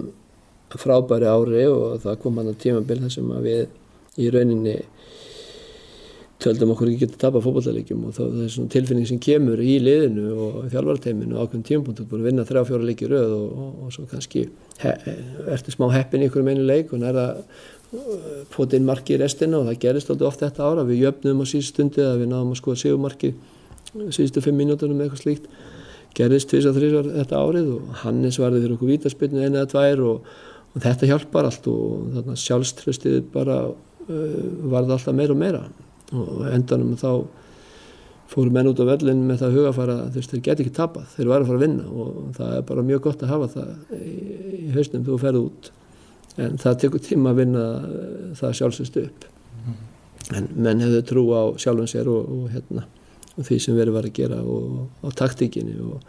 voru mjög eh, hvað maður segja uh, hvað segir maður, hliðhóllir eða þú veist, þeir gerðu það sem var byggðum þeir vissu nákvæmlega hvað þeir átt að gera þeir vissu nákvæmlega hvert þeir átt að löpa og senda hann og það vissu allir sitt hlutverk. Og menn gerðu allt sitt 100% þannig að e, þetta kom undir lokinu var þetta bara allt fyrir að gerast það sjálfur sér. Eftir að vera úti og kannski er óþar að vera þá tíma kannski hérna sem er svona ká- káar þengild og kemur aftur heim og, og fáir leikmenn kannski sem eru eftir frá því vartina síðast í leikmenn áttum og káar en hva, hvað fannst þetta þurfa að gera hérna þegar þú komst hérna í haust þegar þú sást svona leikmannalistan og, og hvernig, hvernig, já, hvernig svona, En þú, þú er tekur, jú, jú, þú, ég er náttúrulega búin að fylgjast með Káar undan þrjú ár sko og, og sé, sé hvað leikmennir eru komnir og farnir og hvernig Kálið er að spila síðsliðin allan síðustu tvö ár. Fylgst með því vel og, og, og maður sér alveg maður getur alveg svona ímynda sér karaktera og týpur þó að það sé betur að kynast þeim til að fá fulla, eh, fulla skilning á karakter hvers og eins en, en hérna þú tekur alltaf við búi sem þjálfari, þú tekur alltaf við leikmannhóp sem að þú er ekki sett saman sjálfur. Og þú þurft að byrja og ég þurft að byrja því bara að kynast þessum strákum, þessum nýju leikmennum hér eru einhverju danir og nýju leikmenn sem hafa komið og úr öðrum félögum íslenskir og margir yngri strákar búin að vinna sig upp í mestara sem að voru hér kannski þriðaflokk þegar ég var að þjálfa. Þannig að maður þarf að kynast leikmannhófnum aðeins og fara að vinsa úr þessu öllu saman, sjá, sjá hver hvaða leikmar hendar í hverja stöðu fyrir sig og, og hvort að mann man er vant til leikmann einhver staðar í einhverju stöður. Bara átt að sjá leikmannhófnum sem er á staðnum og, en þetta að því að ég hafði nú aðeins fylgst með þessu þá fannst mér ákveðina típur vanta í hóp K.R. og við byrjum á því að sækja þarna þrjá leikmenn Kristinn Jónsson og Pablo Puniet og, og Björgvin Stefánsson og aðeins til að stekka hópin og svo erum við bara búin að vera að vinna með þá í allan vettur og, og, og skoða markaðin og sjá hvað okkur vantar og prófa mönnum menn í mismöndi stöður og svo sóttum við okkur miðverðum daginn í uh, Norður Íranum Alberti Watson sem er að koma núna til landsins og við erum svona að reyna bara að breyka hópin við finnst kannski hópinin vera freka þunnur en þetta er svona alltaf réttir leið Hvernig finnst þér eh, þessi umbræð, nú er svona umbræð kannski í, hérna, í fókbóltunum varandi að Valur og, og FH sé að bæta mjög mikið við mm. og, og Valur sé að kipa kannski þessu stóra bitum og, og það sé liðið til að vinna. ja. Er Káur eitthvað já, dragast aftur á leikmannumarkaðunum? Erum við, erum við ekki nógu já, græðir í að fá þessu góða leikmann? Sko, ég held að eins og bara þessi ár sem ég var hérna síðast þá erum við alltaf að vinna eitthvað, við erum að vinna deild eða byggar og þá náttúrulega vilja leikmenn oft koma í þau lið sem eru að vinna hverju sinni. Mm. Káur hefur kannski ekki unni núna í þrjú ár og meðan að Valur er búin að vinna byggarinn tvis ár og deildina í fyrra og uh, FA alltaf búin að vera í fyrstu öðru seti undanfærin, ég veit ekki hvað mörg ár og þannig að þetta og, og svo, svo er snýst þetta líka um peninga og, og, og verðist vera, það eru kannski önnu liðin K.R. í dag sem að kannski hafa úr miklu á móða og, og kannski? Evrópu peningar og allt það og e, þetta spilar allt inn í þá rullu sko þannig að Hefur þú reynt ykkur á leikmenn sem eru til þess að sæna við hennu val eða FH eða eitthvað slíkt, eru, eru þið frekar að leita þanga núna? Mm, Ég sko, við erum alveg búin að, að ræða við menn sem hafa farið bæði að fá og, og val og ennu lið en, en, en það eru náttúrulega bara ákveðin þólmörk líka. Við, við, og ég er ekki að segja hinliðin sem til að yfirbjóða en, en, en maður vil líka, líka, líka sko, ekki láta teimas út í ykkur vittlisu við þurfum að, að passa okkur á því að, að vera ekki að eigðum efni fram og hafa efni á því sem við erum að gera. Og þannig að hérna og svo er þetta náttúrulega stundum leikmenn kannski sem við þurfum ef eigum kannski til eitthvað svipað. Og þegar að kannski launin og launakröfunir eru orðinni herri en maður er kannski tilbúin að setja sig við að þá eru kannski gæði leikmenn sem ekki í samræmi við það. Þannig að þú veist maður þarf aðeins að velja að hafna í þessu og maður verður stundum að geta sagt bara nei, heyrðu, við látum maður bara þá fara í hitt félagið og Já. notum það sem við höfum og, ég meina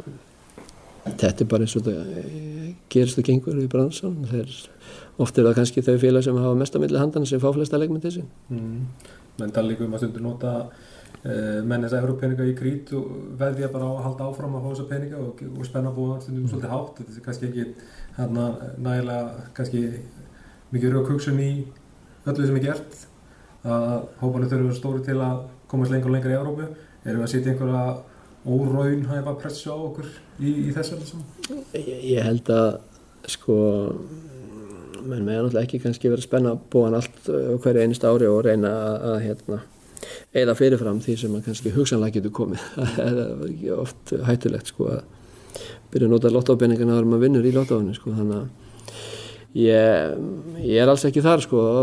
þeirri línu en, en þetta dreyma, dreymir alla fórustum en félag um að koma liðin sinni lengri Evrópikeppn og allt slíkt en, en ég held að það sé gríðarlega erfitt. Auðvitað verðum að hafa trú að það sé hægt við verðum að reyna að byggja upp lið sem að uh, gæti hugsanlega komist lengra en, en hérna en það er bara ofbúslega dýrt. Og Það er Við- líka alltaf erfið og erfið Já, það er erfiðar og erfiðar og það var nú erfitt þegar stjarnan fór doldið langt hér um árið að, að þeir, þá dróðst þeir á móti Inter Milan. Og ég meina, já, og möguleikni þar eru nánast engir. Og, en þetta eru bara þau lið sem þú ert að slá út ef það er að komast inn í riðlakeppni, í Evrópakeppni og ég sé ekki að það sé að fara að gerast á næstu árum, sko sérstaklega núna þeir eru að fara að breyta þessu fyrirkomulagi og það verður kannski flækja enn frekar eða flækja enn frekar og gera, gera leðina lengri en auðvitað þurfum við að setja okkur háleitt markmið en við verðum líka að passa okkur að að það séu markmið sem kannski mögulegt, mögulega er hægt að ná í Nú, nú hafa í sem félög verið kannski einum leik frá bara nánast að komast niður. Já, Uh, hvert er þitt mat ef um þú fá eittlið ef að FH eins og næstu komast inn eða KR ef að eittlið kæmist þetta langt mm. uh, erum við bara búin að búið til eina eitt súpilegu í Íslandi og, og hinn væri þá bara eins og Rosenborg gerði á sín tíma að þessi peninga myndi bara eðilegja dildina því að, að þú getur bara keft það sem vildir. Mættalega verður best aðstöða sem út af þessum peningum er það, var þetta holdt fyrir dildina? Nei, ég held að er það aldrei holdt ef eitthvað eittlið myndi bara gjössalega stinga af og, og vera einráðir í íslensku deild og ég, ég er ekkert að sjá það að fara að gerast. En, en hérna jú, jú, ef eitthvað leik kæmist inn í reyðlakefni Evrópu og, og myndi ná að einu tímabili þar og kemur fullt af peningum í kassan og þá gæti það lið hugsanlega búið sér til eitthvað svona buffer ef maður orðað þannig og eitthvað, eitthvað, já peningar sem þeir geta alltaf verið að sækjast í og, og hérna, til að ná til sín bestu leikmannum en, en ég er ekki alveg að sjá það fara að gerast á Íslandi. Flókin spurningur í þjálfara en er þessi leikmannhóparinn full mótaður fyrir, fyrir sumar eða þurfum við að bæta ykkur við? Mm, Já, ég held að við þurftum að bæta kannski við okkur einu með tveimur leikmannum en, en hvort svo sem við gerum það ekki og hvort við finnum réttu uh, típunar sem við erum að leita þá ættir að koma í ljós. Um, uh, bara alltaf þannig held ég hjá öllum þjálfurum og hjá mér allavega að ef þú ert að sækja leikmann og að þá þarf hann í raunin að vera betri en þeir leikmann sem fyrir eru allavega á pari við á flesta. Þannig að þetta sé svona leikmann sem er byrjunleismadur eða allavega stækkar hópin það vel að, hérna, að það sé komin hörku hörku samkefni um stöður. Og sérstaklega kannski á þessum tímabúndið, ég menn íslenski leikmannumarkaðurinn er, markaðurinn er ekkit rosalega stór og, og þess vegna er nú nú öll einn sem er að keppast um að vinna titilin eh, eru farin að leita sér að leikmannum erlendis. Oft er það kannski jafnir bara ódýrar heldur en um íslenska leikmann og en, en í hennu svona hennu fullkomna heimi myndum að vilja bara vera minnst marga íslenska uppaldast ráka og, og hægt væri. En, en eins og segið þá kannski er erfiðar að fara að ætla til þess að þú vinnir deildina. Þannig að þú veist þú ert þarft að vera samkeppnishæður og hæfur og þú þarft að, að hérna, vera með lið sem að getur barast um titilinn. Og það er kannski markmið gáður og hefur alltaf verið alltaf tíð og það er ekkert að fyrir að breyta stelja Uh, nú að tala um það svo tímabili fyrra með fjölda dana í, í KR að, að kannski uppvöldu strákunni fengju ekki tækifæri að því að, að þjálfarni var að nota þessa leikna þetta kostuði peninga og, og svo framvegis. Uh, hvar stendur þú þar? þú þarft ekkert að nota einni neitt sko nema að sé nægilega góður sko. Þannig að þú veist þó ég sem einhvern útlending og ef hann stendur sig ekki þá fer hann bara á bekkin og þá stýttist bara í það að hann fari eitthvað annað. Það er sama með alla sko þannig að íslenskur er erlendur. Og ég held að við Íslendingar þurfum kannski aðeins að opna augun fyrir því að þe- þetta er bara fótbollin í dag í heiminum. En að þú veist við erum að horfa upp á Manchester City, Liverpool, Manchester United og megnaði ennsku liðanum sem eru meira með, minna byggðu upp útlendingum. Ég meina, það er, það er frjálst hérna, flæði að vinna uppsíðan innan Evrópu og það er ekki að neyta einnum að koma og það snýst bara um hvað menn kosta og hver eru gæðin sem þú farið í staðin og stundum farið bara meiri gæði með að fá útlending heldur en að vera íslending. Mm. en eins og ég sagði á hann, full, fullkonum heimi þá myndi maður og ég, þegar ég var hér að þjálfa síðast þá var ég nú ekki með margútlendinga, ég var með einn eða tvo hverju ári. Og reyndi eftir fremsta megna að ná mér í bestu íslensku leikmenn og það gekk oft mjög vel en þú þarfst að ná árangri úr að vinna eitthvað fyrst og þá kannski vilja allir íslensku strafkvæðin komið káar og, og við þurfum að fara að breyta því Mm. Ég er þetta kannski breytt umhverfi núna með hvernig það var að, að, að það sé bara meiri kostnaður og annað slíkt með íslensku leikmuna þeir kannski horfa bara meira þá út eða eitthvað slíkt eða þeir eru alltaf komin á þann stað Mm, Ég veit ekki, það er náttúrulega íslenskir strákar þeir vita hvað gerist hvað, hvað leikmenn er að fá og það, það tala allir saman, það vita allir hvað, út á hvað það gengur og mér finnst kannski stundum kröfur íslenska leikmanna oft vera um, dóldi miklar. Með kannski geðin og kannski þar að leið, leiðandi erum við stundum að bara líti út fyrir landstæðinuna og fá meiri gæði kannski og, og fyrir læri pening. Alltaf endan snýst þetta alltaf um það kannski það eru svona eiljar, eiljar umræðin í Káar og mm. Vesturbænum með aðstöðumálun hérna mm. og kannski verið því svona persónulega komandur umhverja svona vanur náttúrulega allt, allt annar umgjör bæði svona bara vallarlega séð og svona umgjörn kringu lið og var erfitt að uh, kúpla sig í þetta umgjörði og, og svona hvað þú sem þjálfæri, hvað myndur fyrst vilja bæta hérna ef þú, þú fengir að ráð og hef, hefði penningið? Sko aðstæðan náttúrulega er náttúrulega búin að vera eins og nú í mörg mörg ári kára og við vitum það allir að, að, að hér þarf að, að gerast eitthvað og það eru menn náttúrulega að vinni því á fulli í félaginu að bæta aðstöðinu og það þarf náttúrulega borg og bæ með í það til að, til að geta gert þetta allt saman sem okkur langar til að gera til að bæta aðstöðins almenna káring svo þetta snýst ekki bara um fótboll, þetta snýst um félagi í heilsinni og alla deildir. Þess vegna þurfum við að leggjast á eitt saman og og líta á þetta björnum mögum og vera jákvæð og, ég held að fyrir mig og Káar sem eh, ef ég var bara knaspundildina þá náttúrulega er umgjörðin í kringum aðalvöldin okkar búin að drabbast mjög mikið niður og uh, aðstæða fyrir leikmenn er ekkert sérstök uh, spúningslegarnir eru veist, eru allt í lægi og við erum ekkert að grenja yfir því en, en maður vildi alveg hafa betri aðstöðu stærri klefa og og meira rými til að vinna með strákunum. Og varamanni skilinir að koma til ára sína og gámatinn tveir standaðan úti og þetta er náttúrulega kannski ekki það fallegasta sem maður sér á, á, á nútíma á þessum tímum og, og það sem að knaspunni vellir í, í heiminum eru allir að vera stærri og fallegri og betri og þessi aðstæð þarf bara að, að, að batna. Og, og ég tala ekki um kannski fyrir áhörundu líka að þeir koma hérna á kárunum sumri í allskynns veðrum að það sé ekki hægt að hafa skjól fyrir fólkið í hálfleik eða fyrirleik og koma í einhverju þjónustu sem er bóðleg, bæði veitingar, uh, matur og drikkur eða uh, almeinlega salerni og allt slíkt uh, undir þakki þannig að fólk geti komið og eitt kannski meiri tíma á vellinum í staðins að bara hoppa einn á vellin eins og er oft hér í, á Íslandi að maður bara mættu fimm mínútur í kick-off og og svo maður bara helst farin tímundum áður sko og, og hérna staðin fyrir að fá fólk kannski til að eigða klukkutímanu meira, koma hálftíma fyrir leik eða klukkutíma fyrir leik. Sem er góð aðstæða fyrir fólk og, og, og hérna og í háluleik getur fólk verið í næðu og í góðri aðstöðu og inn í hlíunni og e, fengið góðan kaffibotla skiljið þannig að e, fullt af svona litlu maturinn sem við þurfum að reyna að laga og en það er eitthvað sem við þurfum aðeins að býða með en við erum og klúburinn er náttúrulega að vinna í því og fulli að bæta þá aðstöðu og vonandi getum við um, labba hér eitthvað tíman inn og fallega gára alls einna með, með aðstöðu fyrir bæði leikmenn og árundur sem er mjög mjög svo bóðleg mm. Eru að, að mikla fyrir okkur að gera mikið einn getum við tekið einhver skref til að komast á? Mm. en nú er náttúrulega alls konar hugmyndir í gangi varandi völlin og, og byggja nýja aðstöðu allt líkt eins og við búum að tala um það frekar lengi líka á svona hvað er gerst þurfum við aðeins bara að taka því skrif Ég held að menn sé að gera þetta alveg rétt já, það er alltaf búið að tala um þetta í mörg mörg ár en, en á sama tíma að búið að tala um gríturreitin og alls konar hugmyndir í gangi og,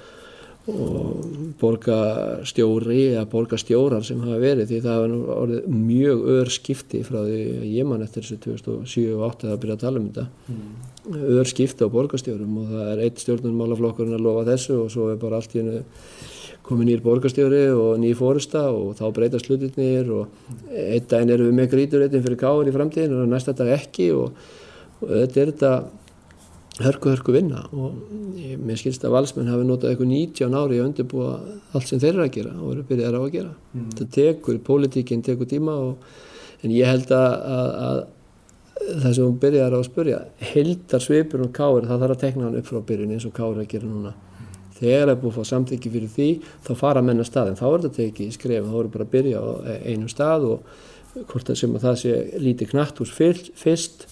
og, og svo eh, bæta við gerðugræsi og síðan aðalvöldurinn eða í hvaða röða er eða hvort það ykkur íbúðu fyrst eða eh, hvað, í hvaða röða er það kannski er eitthvað sem að, ég veit ekki alveg hvernig það á að gera en, en það verður gert þannig að það verði það þarf að taka heildamyndina klára hana og svo verður bara að byrja að skrifa frá skrefi að að endurbæta allt hér. Þú kannski svona sjálfur með svona, kannski spurði svona annar spurningar en- en umgjörun sjálf. Vanur kannski á lokurinn lillstrum með marga aðstofamenn og, og, og þú ert nú verkfús maður, ég veit það alveg en þú var kannski að gera handtökinn sjálfur hérna, var erfitt, eða tók það tíma að venjast í svona Nei, nei, ég var vanur því frá því áður. Ég, við, ég sagt áður íslenski þjálfarar og, og íslens, íslenskir sagt, stjórnarmenn í öllum félum þeir eru allir að gera þetta í sjálfbáðinu þjálfararnir eru á launum og ég er í fullu starfi hérna og ég er hérna frá mótnit kvölds og, og ég maður bara gengur í þau störf sem að þarf að gangi í og eh, ég er náttúrulega uppalinn káringur og þetta er mitt félag og þú veist, þá var maður bara vanur þegar ég var yngri þá var maður hérna í sjálfbóðvinnu marg ofta ári að hjálpa til og það er bara ennþá í hausnum á manni þessi þetta uppeldi sem maður hefur fengið og, og ég held að skipti mig engum máli hvort að ég þurfa að fara að merkja einn og einn búning eða Svo varstu íkæð líka inn þetta íbúð? Já, ég fór í IKEA um daginn og, og hjálpaði til að veslin eitthvað dót sem þurfti að fylla inn í eitthvað íbúð og ég meina,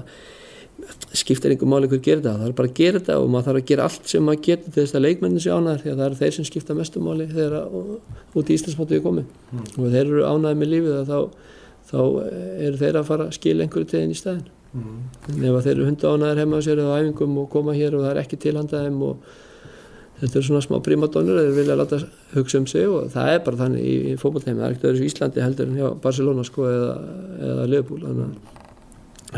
er það þarf bara að sjá til þess að hlutin sé í lægi þannig að maður er að koma í veg fyrir uh, öll leiðindi, óþægindi, kvart og kvein koma því í burtu og þá, þá er eh, allt annað miklu miklu veðildara Taldum um umgjör og aðstöðu uh, gerfugras eða velleggras, hvað er þú í því? Ég er náttúrulega bara grasmaður sko, ég hef alltaf verið það og ég auðvitað hef maður búin að vinna í Noregi þar sem maður var að spila leiki helmingin á mótinu og spila á gerðugrassi og hi- hinn helmingun á grassi þannig að þetta er þetta er dólítið spes, mér finnst, mér finnst alltaf skemmtilega að spila fótboll á venjulegu grassi og auðvitað skilum maður að gerðugrassi kannski henda betur á Íslandi en fótbolli sem spilaður er, er bara allt öðru vísi ég þurfti að spila eina típa fótbolla á gerfugrassi og aðra típa fótbolla á venjulegrassi með liðið mitt í Noregi það henda heldur ekki alltaf sömu leikmannum að að spila á gerfugrassi og grassi mm. sömu voru óbúslega góður á gerfugrassi og gáttu svo ekkert á venjulegrassi og öfugt. Þannig að þetta er um, dálítið sérstakt og en, en, en ég held að kannski En er ekki svolítið slæmt bara þetta lotteri eftir hvernig vetur bara hvort við getum byrjað að spila heima eða ekki er þetta ekki svona Jú, en ég minna það kemur jafn mikið niður á flest öllum lögunum, ég minna það er ekkert mála að að ha- haga í þannig til að að öll fyrsta umferðinni spilu á gerfugrassi því það eru komin okkur leið núna, fylgir að setja gerfugrass, Valur er komin gerfugrass, Stjarnan er með gerfugrass Víkingur Ólasvík er eh, held ég að fara með komið gerfugrass, mér skilst að skamenninni séu að hugsa um að setja gerfugrass á sinnvöld þannig að þetta, þetta er náttúrulega að fjölga og einhverjum tímapunkti verða kannski öll einn komið með þetta hér á Íslandi. En ég meina Jú, jú, ég menna ef öll einu Íslandi er með gerfugast þá er það bara allt í lagi, það er ekkert að því þegar að framlega stundir, græs er alltaf að verða betra. En, en mér finnst kannski eins og þjóðarleikvangurinn okkar lögðarsvöldur og annað eigi að vera með venjulegu grasi. Því að ég er ekki að fara að sjá Spán eða Ítalið, England, Frakland Brasilíu, einhver, einhver svona stóra þjóði koma til Ísland spila æfingarleiki og gerfugasi, þau nennar því ekki þannig að þá fáum við áhörundur ekkert neitt skemmtilegt að horfa á sko Já, já, þeir uh, kannski, það er bara þeirra politík í því, flest allir vellið þar er gerðugræs en, en ég meina, þeir eru heldur ekki að fá æfingarleiki við ykkur stórlið. ekki, ekki marga líki ekki. Nei, En nú er lokmass og þetta langa og kannski svona óunnurna langa undirbúndi er svona að vera búið, er ekki spenna í hóttum að fara, fara að byrja, al- alveg að fara að byrja? jú, jú, núna síðustu viku, tvær, þrjá vikurnar erum við byrjað að kæra þetta eins upp meira og þetta er svona kannski ekki búið að vera það rosalega alvarlegum nótum frá því nóvember og núna fram í kannski byrjum februar. Uh, við höfum alltaf góðan undirbúinstíma og þann tíma er hægt að nýta vel í, í SS, þessa mánuð sem ég var að tala um nýta vel bara í, í einhverja taktík og tækniæfingar og ýmislegt annað í stað þess að vera kannski í einhverjum útaldstjálfun því að fínar æfingar á þess að vera einblýna á, á, á útald uh, það kemur sjálfur sér í rauninni með góðum teknæðingum og góðum uh, taktískum aðingum og, og, að spila náðu mikið. En, en svona núna erum við dotnir inn í sex veikna prógram þar sem við erum að keira upp hraðan og keira upp leikmenn í form og koma með stand og farnir að leggja meira áherslu úslit í leikjónu sem við erum að spila og kannski mínútuna farnir að aukast á þeim sem eru nær byrjunliðinu stæðan fyrir að vera alltaf að skipta út í hálfleik og gera margar breytingar. Þannig að maður er svona farin að spissa þetta eins og maður er þannig farin að reyna að finna sitt byrjunlið og nú styttist náttúrulega bara í æfingarferð og páska og lega páskar er búin að fyrir við til spánar og þá er vika þar og svo kemum við heim og komum heim og þá er bara 12 dagar í deildina og, og þurfum bara að vera klárir og einhverju þjálfa að vera gaggrína eh, kási að einhver mótin leggja byrju og það sé að að þarna fara snemma fyrir mótin Já, já, ég meina það er við kláruðum síðustu helgi 24. nei 17. 17. mass bara eitli sem fer upp úr sexlega riðli áfram og það eru náttúrulega fjóri riðlar, þannig að það eru 20 lið sem að í rauninu þurfa að búa sér til æfinguleiki frá 17. mass og fram til 28. apríl þegar mótið byrjar í rúman mánuð og auðvitað hefum að vilja hafa fleiri lið áfram kannski, hafa tvö lið hverju riðli en,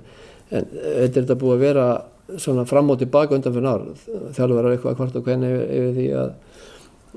undarúslutinu spilu þegar allir eru komin í æfingarferðir og það er erfitt að púsla þessu allir saman Mm. Ég held að þjálfarar þurfa að setjast að þjálfararnir að setjast saman með, með KSI og, og fara yfir þetta. Hvernig er hægt að gera þetta mót þannig, úr, uh, þannig að, að allir séu sáttir og finna góða dagsetningar? Því að ég mann þegar ég þjálfaði hér áður og við vorum í fórum yfirleitt undarúslit eða úslit í lengjubögar og þegar við fórum úslit í lengjubögar þá þá áttum við líka eftir að spila mestara mestarana og við spilum og svo áttum við, áttum við að spila fyrsta leik í deild og kannski úsleikur lengjubögar mestara mestarana og fyrsta leikur í Pepsi var á einhverjum 8-9 dögum. Og það er allt og mikið fyrir lið sem að fer langt. Og svo voru kannski liðið fara út í aðengaferð meðan leikitin voru og var að senda hín og þessi eða svona Já, lið voru að senda annarflokkin í, í, í, í undarúslit eða áttalúslit í lengjubögar þegar þau voru erlendis og þetta, þetta er, þetta er ekkit auðvelt af því liðin er að fara á mismöndu tímum erlendis og, en það þarf einhvern veginn að það held ég bara að menn þarf að setja sniðu saman. Uh, þjálfarar félagana og, og hérna, fórust að KSI í stæðan fyrir að vera kannski hvort og hvernig hvernig hlutin eru því að KSI hefur breytt þessu móti nokkru sinnum og ég vil það að gert það að beðni félagana og stjórnamanna félagana Nú, eh, eins og þið stöðt í mót og alltaf káðin er alltaf kókröstir ef þú myndir fara með lið svona inn í deildina, mynd, til að liðið nú gott til að vinna til því Áttar þið á því eða kannski þarf bara að komast reynsla að Já, ég hef alltaf trú á því ég hef alltaf trú á því að við munum geta verið lið sem að mun berjast um, um efstu sætin deildin ég hef ekki vaf um það en uh, auðvitað á ég og við eftir að sjá hvernig okkur vegnar að gegn kannski val og stjörninu og FA þegar þú kemur út í deildina. Þetta er þetta þau að, og blikarnir líka mjög sterkir. Káa Grindavík þessi sem kannski voru já, fyrir þreim fjórum árum uh, oft í neðri hlutunum öll liðin eru búin að, liðin sem að voru í neðri hlutunum eru öll búin að bæta svo þannig að nálgast bestu liðin, þannig að ég held að deildin sé alltaf vera jafnar og jafnar og gæðin að vera betri. Þjálfararnir allir í deildin eru mjög góður og eru að gera mjög flotta hluti og virkilega gaman að horfa bæði á það sem ég sé núna, bæði K.A. Grindavík fylgir að gera ákveðs hluti þannig að þetta fullt af reynslu og í þessari deild af þjálfurum og margir ungir líka góðir þannig að ég held sér alltaf að verða bara betur og betur og það verður erfiðar og erfiðar að vinna þessi deild þannig að vonandi verður hún bara jöfn og, og vonandi verður við komnum með það gott lið að við getum þegar deildin byrjar og með það sjálfsvist og trú á það verkefni sem við erum að fara út í að við getum barist um þessi toppseti en við viljum koma okkur aftur á meðal þryggja efstu allavega til að tryggja okkur Evrópusæti. Mm. auðvitað viljum við vinna en, en við verum líka átt okkur á því að það er önnur mjög góð lið sem að er að leggja mikinn metnað og peninga og, og í það að vinna líka. Þannig að þetta verður hörku, hörku bara uh, Að lókum á leiktunótunum þú sem fyrirhandi landsmaður og fyrirlega landsins. Nýji úningurinn sem var kynntur á dögunum. Hvernig líst það á? svona fyrstu sín þá er þetta bara svona eins og gammal franskur landslýsbúningur uh, ég, ég átti nú leiðin í Jó útæri um daginn.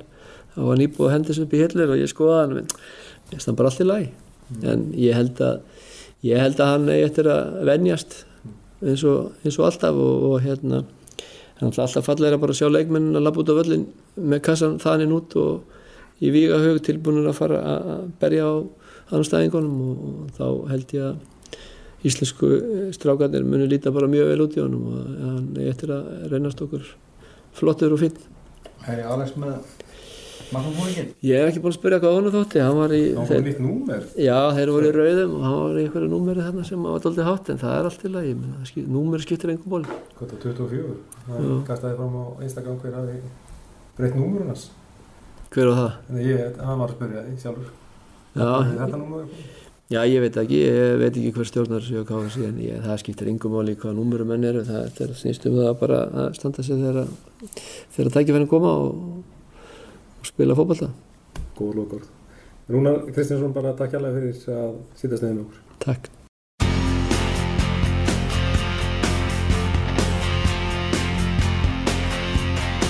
Við stöndum saman allir sem einn Uppgjöf þekkir enginn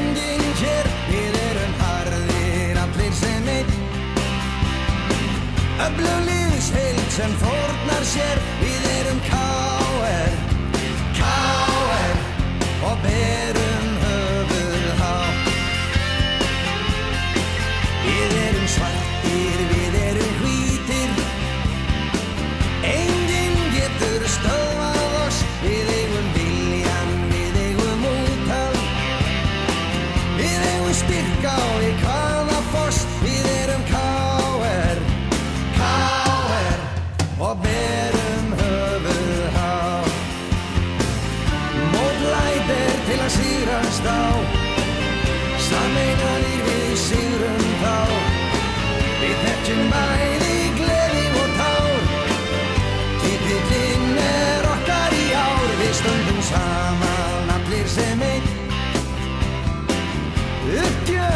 Þekkir enginn hér Við erum harðir allir sem einn Öflugliðs heild sem fórnar sér Við erum K.R. K.R. Og berum